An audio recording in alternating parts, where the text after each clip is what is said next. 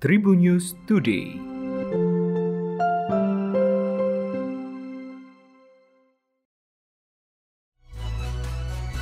Halo Tribuners, berjumpa kembali dengan Tribun News Today edisi hari ini bersama saya Gilang Putranto. Sejumlah informasi dihadirkan untuk Anda di antaranya Pemerintah masih melanjutkan pemberlakuan pembatasan kegiatan masyarakat atau PPKM hingga 18 Oktober 2021 mendatang. Meskipun diperpanjang, pemerintah melakukan sejumlah pelonggaran aturan. Penyesuaian aturan itu dilakukan melihat situasi pandemi COVID-19 yang terkendali dan sebagai upaya pemulihan ekonomi. Menteri Koordinator Bidang Kemaritiman dan Investasi Luhut Binsar Panjaitan pada Senin 4 Oktober 2021 lalu menyebut tempat pusat kebugaran atau gym diperbolehkan beroperasi. Luhut menyebut dalam pelaksanaannya pengunjung harus disiplin protokol kesehatan dan melakukan screening dengan aplikasi Peduli Lindungi. Adapun kapasitas maksimal gym ialah 25%. Kemudian, pada PPKM periode ini, pengunjung bioskop diperbolehkan makan dan minum. Hal itu seiring pembukaan gerai makanan di dalam bioskop. Namun, kapasitas bioskop tetap berlaku 50%. Diketahui, PPKM akan terus dilakukan selama pandemi COVID-19 masih berlangsung di Indonesia pemerintah akan menaik turunkan level PPKM sesuai perkembangan kondisi yang ada. Kisah haru datang dari Aibtu Sri Sudanam, anggota Satuan Brimopolda Riau. Ia tak kuasa menahan tangis saat mengetahui dirinya mendapat hadiah sebuah rumah dari Kapolda Riau Irjen Pol Agung Setia Imam Effendi.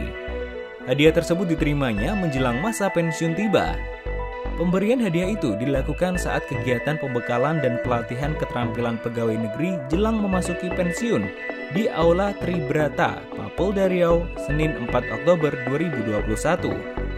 Dengan berurai air mata, ia mengungkapkan rasa terima kasihnya kepada Kapolda Riau. Kapolda Riau mengatakan pemberian rumah kepada personel yang akan memasuki masa pensiun merupakan bentuk perhatian pimpinan kepada anggotanya Aibtu Sri Sudana mengaku sudah lama mengidamkan memiliki rumah sendiri. Ia sempat berencana untuk membeli rumah bersama sang istri, namun uangnya tak mencukupi. Tabungan yang ada habis untuk biaya berobat orang tuanya. Manajer Tukul Arwana, Rizky Kimon, membagikan kabar bahagia terkait kondisi sang presenter. Rizky menyebut Tukul Arwana dijadwalkan bisa menjalani rawat jalan pada pekan depan asalkan kondisi Tukul Arwana kian membaik. Tak hanya itu, pelawak dengan rambut cepak itu akan terus melakukan fisioterapi untuk kesembuhan maksimal. Kendati demikian, kini kondisi presenter One Man Show tersebut telah berangsur membaik. Bahkan Tukul sudah dapat merespon dengan sigap perintah dari sang dokter. Lebih lanjut, Kimon menegaskan jika Tukul masih menggunakan alat bantu selang untuk diberikan asupan makanan, Kimon terus meminta doa agar pemilik nama lahir Tukul Rianto tersebut bisa cepat pulih dan dapat kembali menghibur masyarakat Indonesia seperti sedia kala. Striker muda Paris Saint-Germain, Kylian Mbappe, baru-baru ini menjalani wawancara secara belak-belakan.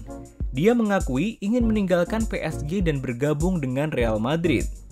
Mbappe mengatakan Real Madrid adalah satu-satunya klub yang akan ia tuju jika meninggalkan PSG.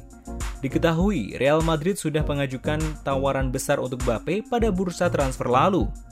Tetapi uang muka mereka ditolak oleh PSG. Dalam wawancara tersebut, Mbappe juga mengungkapkan ketegangannya dengan Neymar.